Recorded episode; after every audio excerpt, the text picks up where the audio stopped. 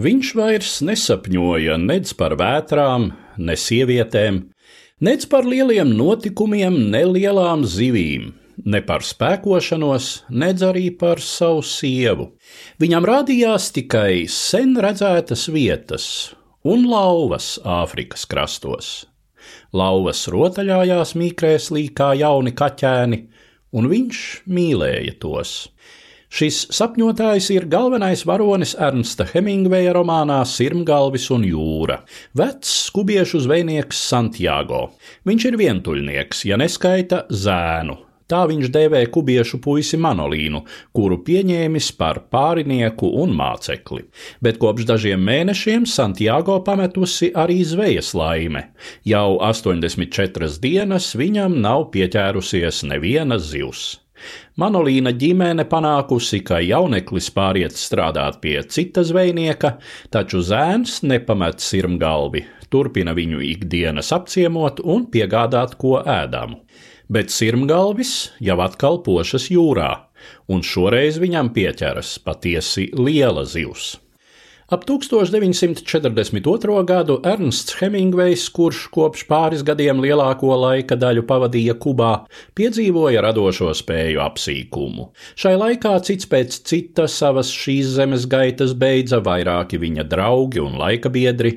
Tas veicināja depresiju, Sevi lika manīt vairākas agrākajos gados gūtas traumas un arī pamatīgās un regulārās alkohola devas. Hemingvejs cieta no smagām galvas sāpēm, paaugstināta asins spiediena, parādījās diabēta pazīmes, Viņš rakstīja, taču tā arī nespēja pabeigt nevienu no aizsāktajiem darbiem.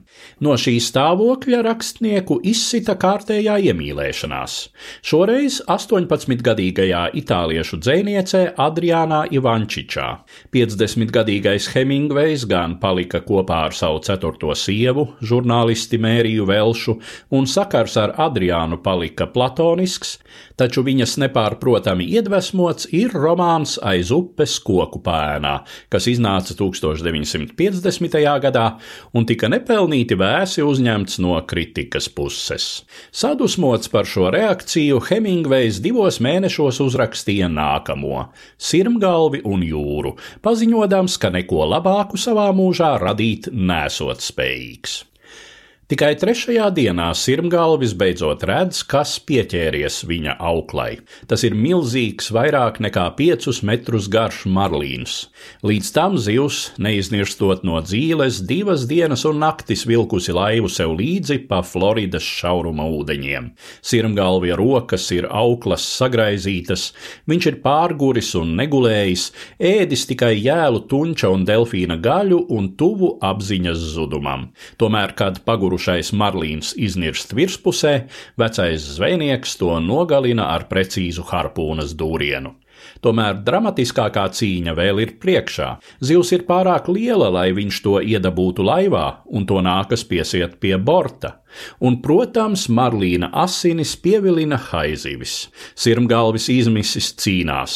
Cīņā pret jūras plēsoņām viņš pazaudē harpūnu, tad laiž darbā airi ar galā piesietu nazi, tad, kad šis ierocis iziet no ierindas, stūres bomi. Tomēr viss ir velti. Ostā Santiago atgriežas ar laivai piesietu milzu skeletu. Taču viņš ir atguvis apkārtējo respektu, un Manolīns paziņo, ka atgriežas, jo, kā saka, man no tevis vēl daudz ko mācīties. Ernesta Hemingveja romāns Sirmgalvis un jūra iznāca 1952. gada 1. septembrī, vienlaicīgi grāmatas formātā un nodrukāts žurnālā Life. Pieci miljoni žurnāla eksemplāru tika izpirkti pāris dienās. Nākamajā gadā romāns saņēma Pulicera literāro balvu un noteikti deva savu pienesumu Nobela prēmijai literatūrā, kuru Hemingvejs saņēma 1954. gadā. Prēmijas runā viņš teica: Rakstnieka dzīve savā apogejā ir vientuļa. Atkratoties no vientulības, rakstnieks iegūst publisku statusu, un viņa radošais darbs no tā nereti cieš, jo viņš rada vienatnē. Un, ja ir gana labs rakstnieks, tad dien dienā viņam jāskata vaigā mūžība vai tās nēsamība. Stāstīja Eduards Liniņš.